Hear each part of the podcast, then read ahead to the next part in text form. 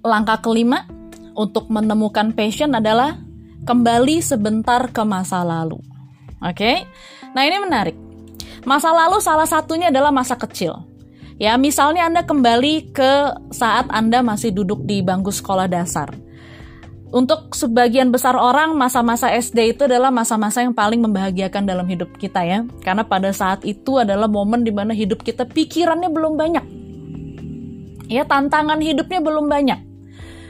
Racun-racun dunia yang kita serap itu belum banyak juga. Jadi kita masih lebih happy, lebih positif, lebih berani bermimpi dibandingkan orang-orang dewasa yang lebih ketakutan dengan pikirannya sendiri. Padahal dari penelitian, ketakutan-ketakutan Anda yang ada di pikiran Anda, itu yang terbukti terjadi, itu cuma 5% teman-teman. 95%-nya nggak terjadi. Makanya Anda nggak perlu overthinking di dalam menjalani hidup ini. Oke? Okay? Nah coba yuk kita sekarang, saya minta Anda kembali ke masa kecil Anda sebentar aja. Mari sekarang kita tutup mata, Kemudian Anda fokus, Anda konsentrasi. Anda bayangkan Anda saat ini berada di masa Anda masih SD dengan pakaian seragam sekolah Anda. Bayangkan. Kemudian Anda rasakan apa yang menjadi hobi Anda pada saat itu. Apa kegemaran Anda? Apa yang sering Anda pakai? Apa cita-cita Anda? Siapa tokoh yang saat itu Anda jadikan panutan? Dari jawaban-jawaban tersebut, kita bisa mengkaitkannya dengan apa yang mungkin menjadi passion kita. Ya, jika saat masih kecil dulu mungkin Anda menyukai seni, misalnya seni komik gitu. Tapi hal itu tidak didukung oleh orang tua Anda. Ya, walau an walau Anda tidak bisa mendalami passion itu karena berbagai alasan, bukan berarti pada saat Anda dewasa Anda nggak bisa melanjutkannya. Waktu kecil Anda mau ngomik tapi dilarang orang tua Anda, mungkin saat dewasa saatnya Anda ngomik lagi gitu, bikin komik lagi. Ada banyak cara untuk Anda melakukannya. Ada misalkan mengikuti hobi kelas passion. Misalkan Anda masuklah ke sekolah komik gitu ya, bikin animasi dan sebagainya. Hal lainnya terkait dengan kembali ke masa lalu adalah ingatlah hari-hari yang paling berkesan untuk Anda.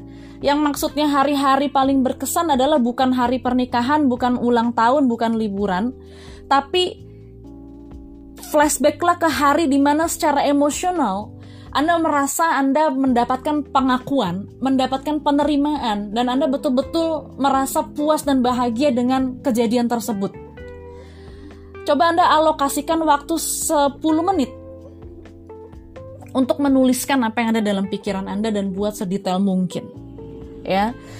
Saya melakukan sesi ini kepada klien saya yang saya coaching. Nah, biasanya itu saya coaching one on one, teman-teman. Jadi nanti kalau Anda ada yang berminat untuk di coaching one on one kepada saya, silahkan Anda bisa menghubungi admin ya.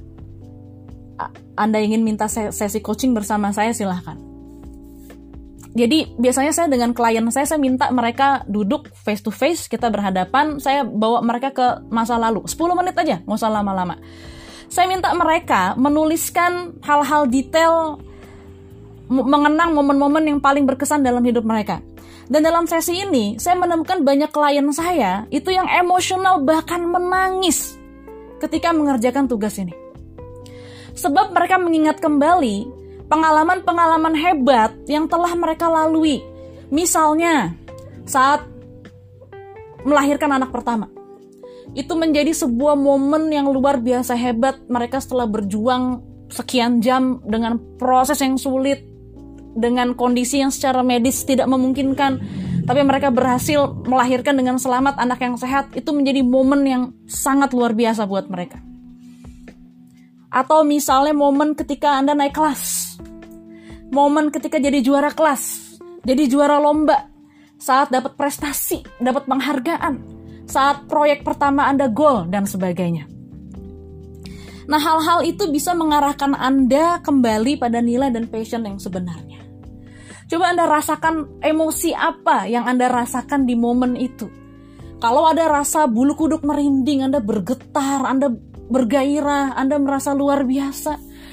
Anda merasa diri Anda menjadi luar biasa semangat sekali. Bisa jadi itu passion Anda. Coba lihat kembali apa passion yang sempat hilang di usia 20 atau 30 tahunan Anda. Saya nggak tahu, sekarang usia Anda berapa? Mungkin ada yang masih belasan tahun. Masih remaja, masih SMP, SMA, dan sebagainya. Ya, kalau yang Anda sekarang ada di usia 20, atau 30 Anda sudah lebih dari 20 atau sudah lebih dari 30 atau lebih lagi. Coba Anda flashback lihat apa yang sempat hilang. Apa hal yang betul-betul ingin Anda lakukan tapi itu hilang di usia Anda 20 atau 30 tahunan? Apa yang sempat terhenti? Banyak atlet atau musisi yang berhenti mengejar mimpinya di pertengahan usia 20 tahunan karena nggak ada waktu. Karena mereka terhambat oleh pekerjaan mereka. Ya Tanyakan apa yang betul-betul Anda sukai, tapi Anda berhenti mengejarnya karena sejumlah alasan. Misalnya mau main basket, mau jadi atlet, dan sebagainya. Kemudian coba Anda pilih perspektif yang lain. Kalau misalnya Anda mau jadi atlet basket gitu ya, ternyata nggak kesampaian, padahal basket adalah passion Anda, coba Anda pilih perspektif yang lain, misalnya Anda jadi penggemar basket. Anda bikin komunitas pecinta klub bola basket apa? Bahkan kalau perlu Anda latihan Anda menjadi coach untuk basket. Itu adalah sebagai bentuk dari passion Anda. Jadi ada banyak cara bagi Anda untuk meraih kembali passion Anda. Gitu loh. Entah Anda sebagai pelaku, Anda sebagai penggerak, dan sebagainya. Jadi prinsip dari passion adalah passion itu bisa berubah seiring waktu dan peristiwa hidup Anda. Tapi apa pun itu, tetap jadi diri sendiri, semangat dan ikuti kata hati Anda.